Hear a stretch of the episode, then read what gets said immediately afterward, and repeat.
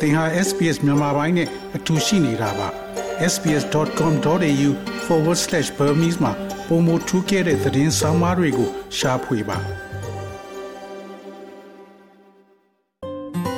SBS မြန်မာပိုင်းကို အင်ကာနဲ့စနေနေ့ည10:00နာရီမှနားဆင်နိုင်တယ်လို့အွန်လိုင်းကနေလည်းအချိန်မီနားဆင်နိုင်ပါပြီ။ အကြောက်တရားတွေထိမ့်ချုပ်မှုတွေနဲ့အာဏာတည်မြဲဖို့ကြိုးစားနေတဲ့အာဏာသိမ်းစစ်ကောင်စီရဲ့လုပ်ရဟာတနည်းတစ်နေ့ပုံမိုဆိုရွာလာနေပါတယ်။ပြီးခဲ့တဲ့ရက်ပိုင်းမှာပဲကလေးငယ်တွေလွတ်လပ်စွာပညာသင်ကြားခွင့်ကိုပါထိပါလာမယ်ထုတ်ပြန်ချက်ပုံစံမျိုးထွက်ပေါ်လာတာကတိုင်းပြည်တစ်ခုတိုးတက်ဖို့အဓိကတောက်တိုင်ဖြစ်တဲ့ပညာရေးကိုပါချုပ်ကိုင်ဖို့ကြိုးစားလာတဲ့အခြေအနေပါ ရန်ကုန်အပါအဝင်မြို့ကြီးအချို့ရှိပုဂ္ဂလိကကျောင်းတွေမှာအနောက်တိုင်းဒီမိုကရေစီယဉ်ကျေးမှုတွေမတင်ကြဖို့ဥပဒေထုတ်ရေးယူမယ်ဆိုပြီးဇန်နဝါရီလအစည်းအဝေးမှတ်တမ်းအရမြို့နယ်ပညာရေးမှုရုံးတွေကိုစာပို့ထုတ်ပြန်လာပါတယ်။အာနာသိမ့်ပြီးနောက်ပိုင်းအစိုးရတင်ယူနဲ့တင်ကြားရတဲ့ကျောင်းတွေကိုကျောင်းသားတွေတပိတ်မောက်ခါစစ်ကြိုပညာရေးကိုစန့်ကျင်ခဲ့ကြပါတယ်။ ပညာရေးကိုအသက်ဆက်စေခြင်းနဲ့မိဘတွေရဲ့တခုတည်းသောနီလန်ကတော့ပုဂ္ဂလိကကျောင်းတွေကအာကိုရာဖြစ်ခဲ့ပါတယ်။ငွေကြေးတက်နိုင်သူတွေအနေနဲ့တက်လငွေကျပ်2သိန်းဝန်းကျင်ကုန်ကြတဲ့ International School တစ်ဖြစ်လေပုဂ္ဂလိကကျောင်းတွေမှာကလေးတွေရဲ့ပညာရေးကိုအသက်ဆက်ခဲ့ကြပါတယ်။တချို့ပုဂ္ဂလိကကျောင်းတွေကအစိုးရသင်ယူနဲ့သင်တဲ့ကျောင်းတွေရှိသလို International School တွေမှာတော့နိုင်ငံတကာသင်ယူတွေနဲ့သင်ကြားကြတာပါ လက်ရှိမှာတော့စစ်ကောင်စီဘက်ကပုဂ္ဂလိကကျောင်းတွေရဲ့တင်ယူတွေကိုစီမင်းစည်းကမ်းဥပဒေရေးဆွဲထုတ်ပြန်ပြီးဖိအားပေးဖို့လှုံ့ဆော်လာတာလည်းဖြစ်ပါတယ်။ဒါဟာစစ်ကောင်စီအနေနဲ့စစ်ကြွပညာရေးစနစ်ကိုပြန်ဖော်ဆောင်လာဖို့စ조사နေတာဖြစ်တယ်လို့အခြေခံတဲ့အစစ်မြစ်ပညာအထွေထွေသပိတ်ကော်မတီ GSCVHE အဖွဲ့ဝင်တူဖြစ်တဲ့ဆရာနောင်ချိုကအခုလိုသုံးသပ်ပါတယ်အဲ freedom of education ကိုဒါပေါ်ပေါ်တင်တင်စစ်ကောင်စီကချိုးဖောက်တာပဲပေါ့နော် ဆိုတော့အရင်တော့ right to education ကိုချိုးဖောက်ပါတယ်လွတ်လပ်စွာပညာသင်ယူခွင့်သင်ကြားခွင့်ပေါ့နော် CDN လုပ်တဲ့ဆရာဆရာမတွေကိုဖမ်းဆီးတာတွေ CDN ကျောင်းသားတွေကိုအဲပြည်သူပညာရေးကျောင်းမှာတက်လို့ဆိုပြီးဖမ်းတာတွေပေါ့နော်ဒါတွေကအဲ right to education ကိုစစ်ကောင်စီကချိုးဖောက်ခဲ့တာဖြစ်တယ်ဒီ CDN ဆရာတွေကိုတပ်ဖြတ်တာတွေကလည်းဒါ right to education ကိုချိုးဖောက်တာဖြစ်တယ်အခုကတော့ကျွန်တော်တို့ ဒီပုဂ္ဂလိကအကြောင်းတွေကိုအဲမျှဝေလှည့်လာပြီဆိုတော့ဒါဒီ freedom of education ပေါ့နော်ကျွန်တော်တို့လွတ်လပ်စွာသင်ကျင်တဲ့အကြောင်းအရာသင်ကျင်တဲ့သင်ရိုးပေါ့နော်သင်ကျင်တဲ့ပညာရပ်ကိုလွတ်လပ်စွာသင်ကြားခွင့်ကိုအဲကန့်သက်ချုပ်ချယ်ဖို့အတွက်ကြိုးစားတာပေါ့နော်ဒါကတော့စစ်အာဏာရှင်စနစ်မှာတော့တေချာပေါက်ရှိမှာပါဥပဒေအထက်မှာဘယ်သူမှမရှိစေရဘူးဆိုပေမဲ့သူတို့ရသူတို့ကတော့ဥပဒေအားလုံးရဲ့အထက်မှာနေနေတာပါပဲဒါဆိုစစ်အာဏာရှင်စနစ်ရဲ့အဲနောက်ဆက်တွဲ ကိစ္စပဲဖြစ်သလိုစစ်ကြုံပညာရေးစနစ်ကိုသူတို့တေချာပေါက်ပြန်လဲအဲတဆင့်ချင်းစီဖော်ဆောင်ဖို့လှုပ်လာတယ်လို့ပဲမြင်ပါတယ်ဗျလက်ရှိမှာတော့ International School တွေမှာဒါမကပဲအာနာသိန်းကာလပေါ်ထွက်လာတဲ့ဈာကာလပညာရေးတွေမှာအစိုးရသင်ယူပေါ်အခြေမခံပဲလက်တွေ့အသုံးချပညာရပ်တွေကိုပါသင်ကြားပေးနေကြပါတယ် ဒီလိုကလေးတွေကိုចောင်းစာတစ်ခုတည်းသင်ပေးတာမျိုးမဟုတ်ပဲနိုင်ငံတကာသင်ယူတွေနဲ့သင်ကြားတာဒီမိုကရေစီစနစ်နိုင်ငံရေးအကြောင်းတွေကိုသင်ကြားဆွေးနွေးမှုတွေဟာစစ်ကောင်စီအတွက်ချင်းချောက်မှုဖြစ်စေတယ်လို့ပညာရေးအတိုင်းဝိုင်းကသုံးသပ်ကြပါတယ်။ ဒီလိုအခြေအနေတွေကြောင့်ပဲចောင်းသားတသိန်းကျော်တင်ကြတဲ့ဂျာကာလာပညာရေး Count for You ကျောင်းတည်ထောင်သူအပါအဝင်ဆရာဆရာမ15ယောက်ထက်မနည်းစစ်ကောင်စီကဖမ်းဆီးခဲ့တဲ့အတွက်ကျောင်းပိတ်လိုက်ရတဲ့အထိဖြစ်ခဲ့ပါတယ်။ပြီးခဲ့တဲ့ရက်ပိုင်းအတွင်းမှာလည်း FOEIM ကျောင်းကကျောင်းသား900ကျော်ရဲ့အမည်စရင်းနဲ့မိဘနာမည်တွေစစ်ကောင်စီရဲ့ဝါရဖြန့် Telegram Channel မှာပေါက်ကြားခဲ့တာကြောင့်လုံခြုံရေးအခြေအနေအရကျောင်းပါပိတ်ပြေးခဲ့ရပါတယ်။ ဒီလိုရွေးချယ်လို့မရတဲ့အခြေအနေမှာတက်နိုင်သူတွေကတော့သူတို့သားသမီးတွေကိုအိမ်နီးချင်းနိုင်ငံတွေမှာကြောင်းထားနိုင်ဖို့စတင်ပြင်ဆင်နေကြပါပြီ။ရန်ကုန်မြို့ကចောင်းသားမိဘတူကတော့သူ့ကလေးတွေနဲ့အတူပြပထွက်နိုင်ဖို့နိုင်ငံကူးလက်မှတ်ရရှိဖို့စ조사နေတာပါ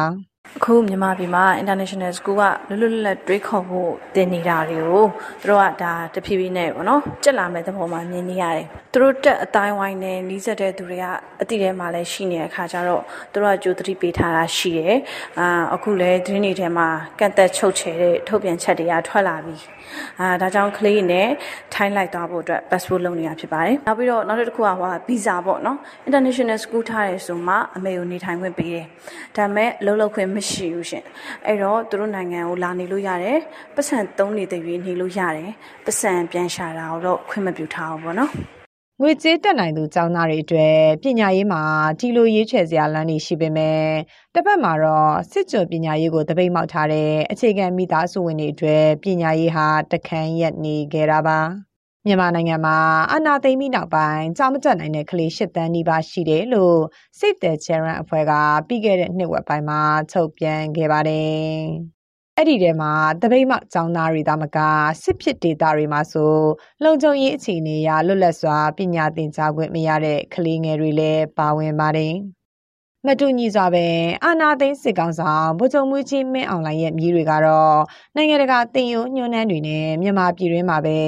EMPS ပုဂ္ဂလိကအကြောင်းမှာစာတင်ယူခွင့်ပိုင်ဆိုင်ထားပါတယ်။နေဒူးနေ့မြတ်တွေရဲ့ပွဲတွေဖြစ်ကြတဲ့ခရစ်စမတ်၊ဟော်လိုဝင်းစတာတွေကိုပုဂ္ဂလိကကျောင်းတွေမှာလောက်ကြတွေထုတ်ပြန်ချက်ထဲတားဆီးပိတ်ပင်ထားပေမဲ့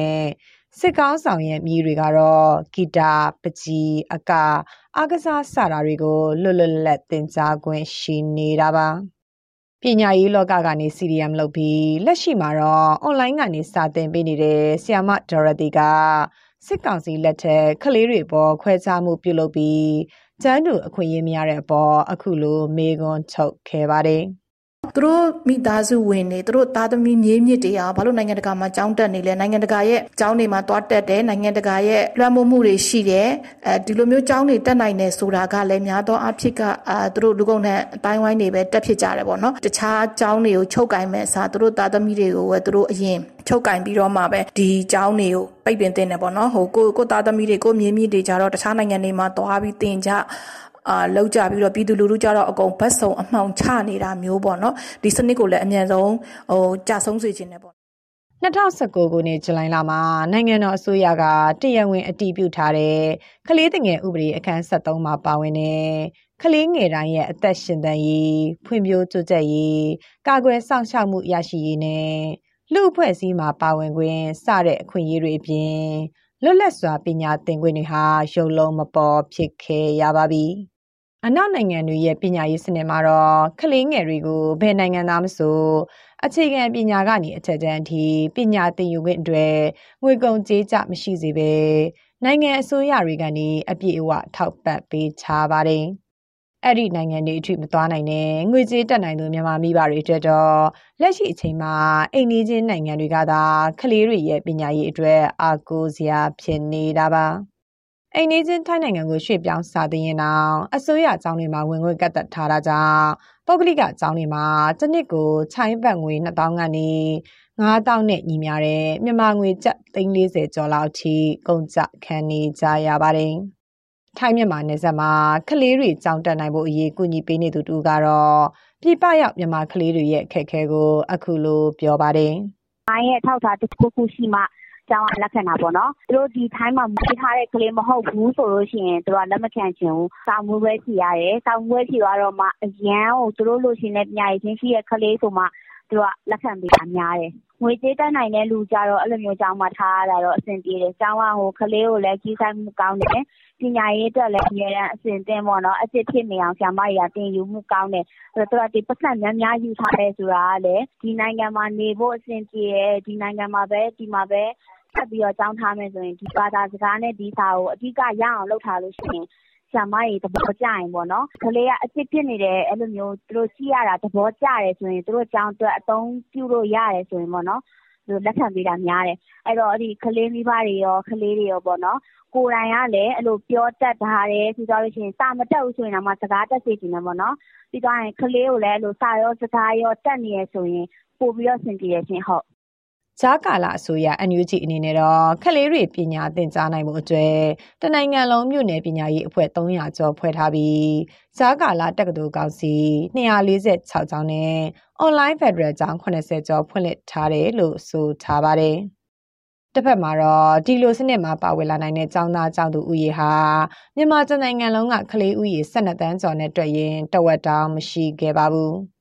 ပြည်တွင်းမှာပဲအင်တာနက်လိုင်းအခက်အခဲ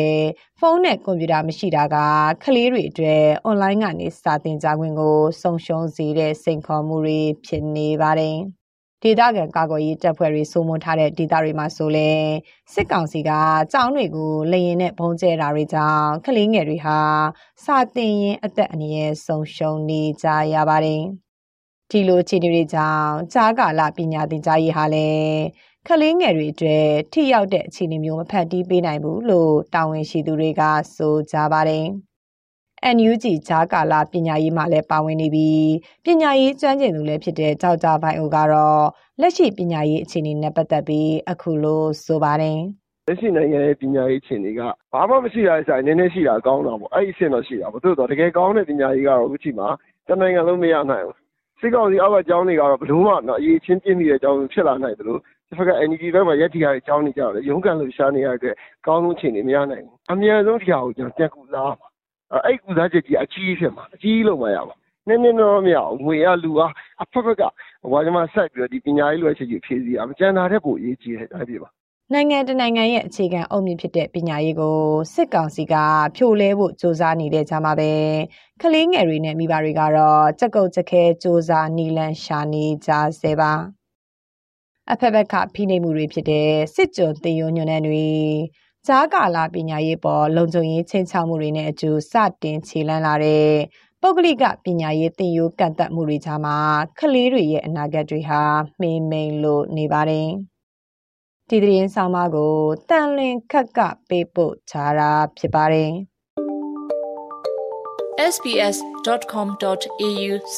။ sbs.com.au/bemis ကို home နေရာမှာထားပြီးတော့အမြဲတမ်းနှားဆင်နိုင်ပါတယ်။နောက်ဆုံးရသတင်းတွေ၊စောင်းမားတွေနဲ့စစ်တမ်းတွေမှာပါဝင်ပြီးတော့ဆက်သွယ်မှုလုပ်နိုင်ပါတယ်။ sbs.com.au/bemis ဖြစ်ပါတယ်ရှင်။